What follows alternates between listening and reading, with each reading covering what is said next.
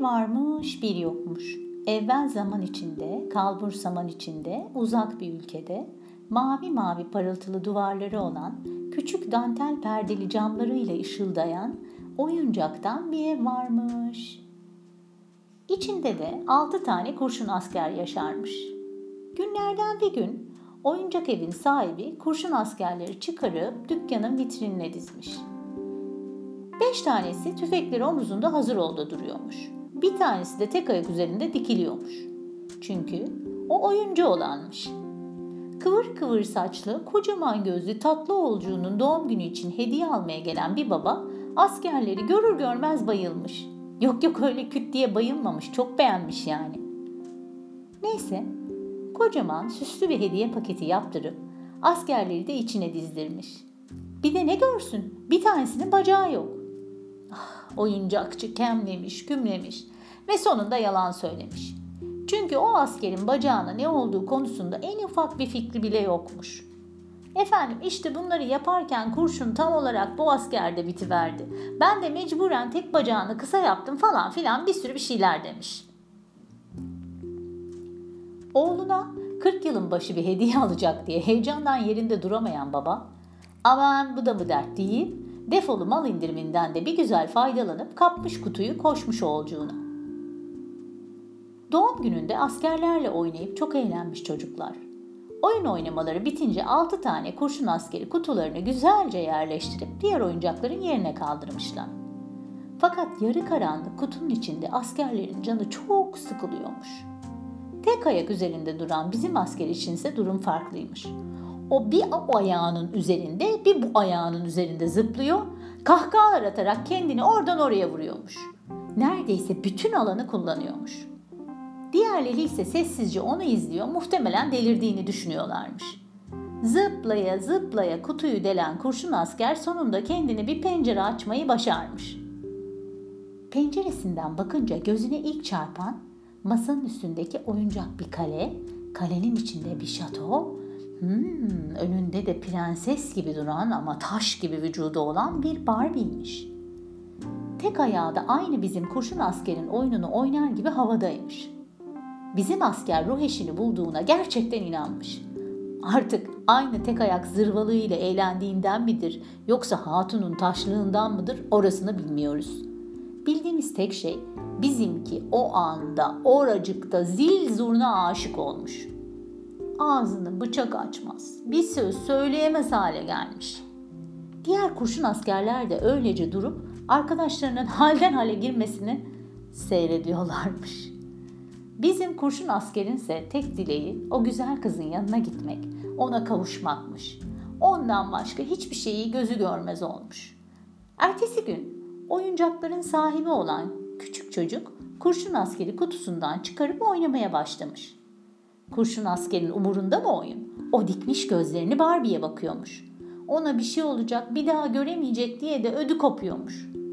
O sırada hava birden kararmış. Şimşekler çakmış. Ardından sert bir rüzgar çıkmış. Rüzgar o denli kuvvetli esiyormuş ki pencerenin dibinde duran kurşun askeri hop diye savurup pencereden sokağa fırlatmış. Zavallı kurşun asker kendini sokağın bir köşesindeki kaldırımın kenarında buluvermiş. Onu kimsecikler görmemiş. Hatta gelip geçenler üstüne basacak gibi oluyor. Kurşun askerin korkudan yüreği ağzına geliyormuş. Rüzgarın ardından bir de yağmur yağmamış mı? Çukurlar sularla dolmuş. Sel olup bakmaya başlamış. Sen misin maceraları özenen? Askercik oradan oraya defalarca çarpmaktan baygın düşmüş. Hava açtığında su birikintisinin başına oynamaya gelen iki çocuk onu görünce çok sevinmişler. Bir iki attan bir kayık yapmış, diğeri bizim askeri içine bindirmiş ve iki çocuk sularla oynamaya dalıp bir süre sonra kurşun askeri unutmuşlar.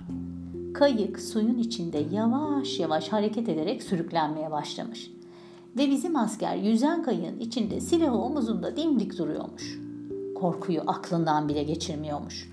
Akıp giden yağmur suları sonunda büyük bir ırmağa ulaşınca kurşun asker koskoca akıntının ortasında bir nokta kadar kalmış ve bir süre dalgalara kapılıp öylece ilerlemiş.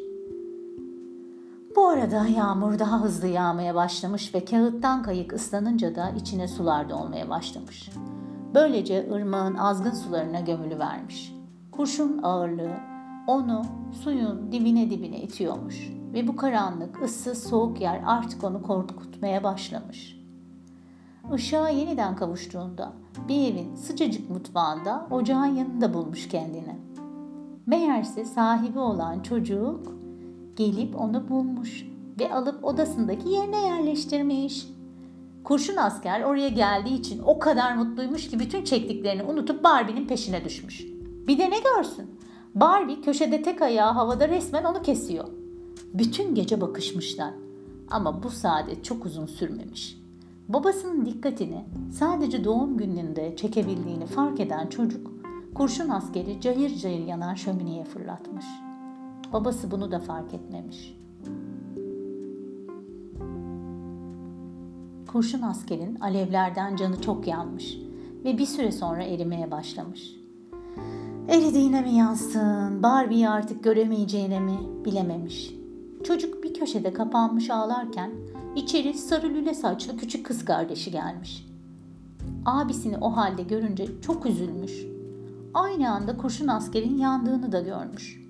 Abisinin acısı canını o kadar acıtmış ki o da babasının doğum gününde aldığı Barbie'yi alıp ateşe atmış. Kurşun askerse sevinçten kollarını açıp sevgilisini kucaklamış.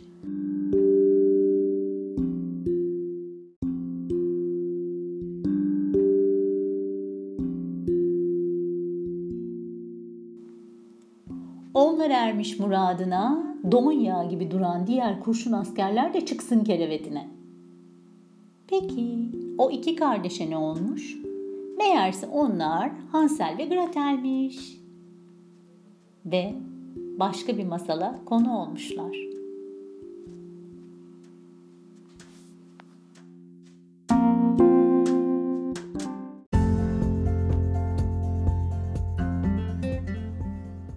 Kulağınıza küpe olsun. Gerçekten yaşadığınızı hissetmek istiyorsanız size bahşedilen tüm alanı kullanmalısınız. Bir de bakmışsınız siz coşkuyla yaşarken önünüze yepyeni dünyaların pencereleri açılmış. Ve kim bilir oralarda sizi neler bekliyor. Yaşamı bırakmayın. Tatlı küçük riskler alın ve yeniyi keşfedin. Bugünkü ödev konunuz kendime tam tatmin hissettiğim yaşamımı seçiyorum.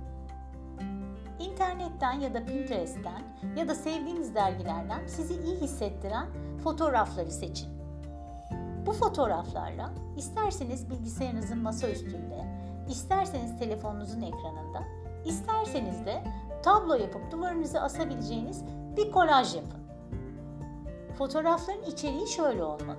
İstediğiniz ev, iç dekorasyonu, çevresi, evde çalacağınız albümler, bahçeniz ya da deniziniz yani manzaranız, ayrı ayrı tüm odalarınız, mutfağınız, banyonuz, buzdolabınızdaki yiyecekleriniz, olası dostlarınızla oturduğunuz yemek masanız, hobi alanınız ve hobiniz.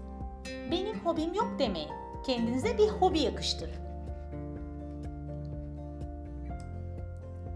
Evinizin kokmasını istediğiniz kokuya dair fotoğraflar eklemeyi de unutmayın.